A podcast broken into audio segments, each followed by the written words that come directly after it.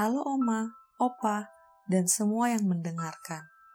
Pada kesempatan ini, aku hendak membacakan sebuah kisah dari buku Kisah Lansia edisi yang pertama dengan tema Pengalaman bersama Allah di rumah.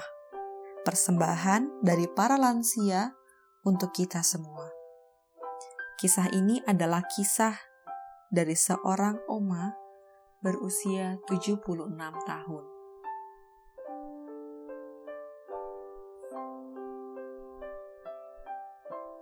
Kalau ingat pengalaman hidup saya bersama Tuhan Yesus, saya tak mau mundur lagi. Suka dan duka sudah saya alami bersamanya. Walaupun di mulut mudah diucapkan, namun daging ini lemah. Untuk itu, saya sering berdoa, memohon Roh Kudus menguatkan saya agar ikrar yang saya sampaikan tidak berlalu begitu saja, tetapi tetap terpatri di hati saya. Saya kenal Tuhan Yesus melalui almarhum papa saya. Tiap minggu pagi, ia selalu membawa saya ke gereja untuk sekolah minggu. Saya dibonceng naik sepeda ontel Koko saya duduk di belakang dan saya di depan. Tepatnya di kursi rotan yang ditempel di batang sepeda ontelnya. Apabila mengingatnya, saya kasihan. Ya, kalau berhenti harus peluk tiang listrik atau pohon.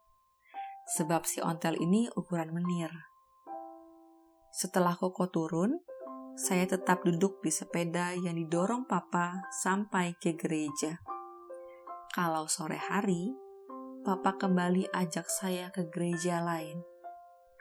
Saya senang sekali ke sana, sebab banyak makanan. Habis kebaktian, anak-anak dibagikan bacang, bakpao, atau apalah pokoknya. Enak dah bagi kaum proletar. Papa saya galak. Kalau tidak ke gereja, saya tidak dapat uang jajan begitulah seterusnya. Tibalah saatnya saya selesai SMA dan lulus ujian. Saya ingin kuliah ke Jerman, bersekolah bersama teman-teman yang lain, dan di sana tidak bayar. Akan tetapi, papa saya tidak ada uang untuk saya kuliah di universitas swasta. Di UI waktu itu biayanya setahun 6.000 rupiah. Sedangkan di Respublika setahun kira-kira 75.000 rupiah. Papa saya sudah pensiun sejak saya kelas 5 SD. Saya anak bungsu. Saya bisa selesai SMA sebab uang sekolah saya paling murah karena rapor saya selalu cemerlang. Papa saya anjurkan saya ke STT saja atau ke Batu Malang. Nanti dia minta surat sama Boksu. Saya tidak mau. Saya bilang saya punya cita-cita dan tidak mau jadi Boksu. Saya bingung. Suruh berdoa tidak bisa. Ya, saya kecewa sama Tuhan. Saya nggak mau ke gereja lagi. Untuk apa? Tuhan tidak menolong saya, dan saya tetap miskin. Saya undur dari Tuhan. Bye-bye, gereja. Akan tetapi, Tuhan tetap memanggil anaknya yang sudah dia sayangi. Sampai suatu hari, waktu kami sekeluarga dapat kesulitan ketika kami tinggal di luar kota, saya akhirnya mencari Tuhan kembali dan bertobat kepadanya. Saya mulai belajar dari mula siapa itu Tuhan Yesus, Roh Kudus, dan lain-lain. Ketika kami suatu saat belajar berdoa dan menyembah, ada perasaan yang saya tidak bisa katakan. Nyatanya, Setelah itu saya makin mencintai Yesus hari ke hari.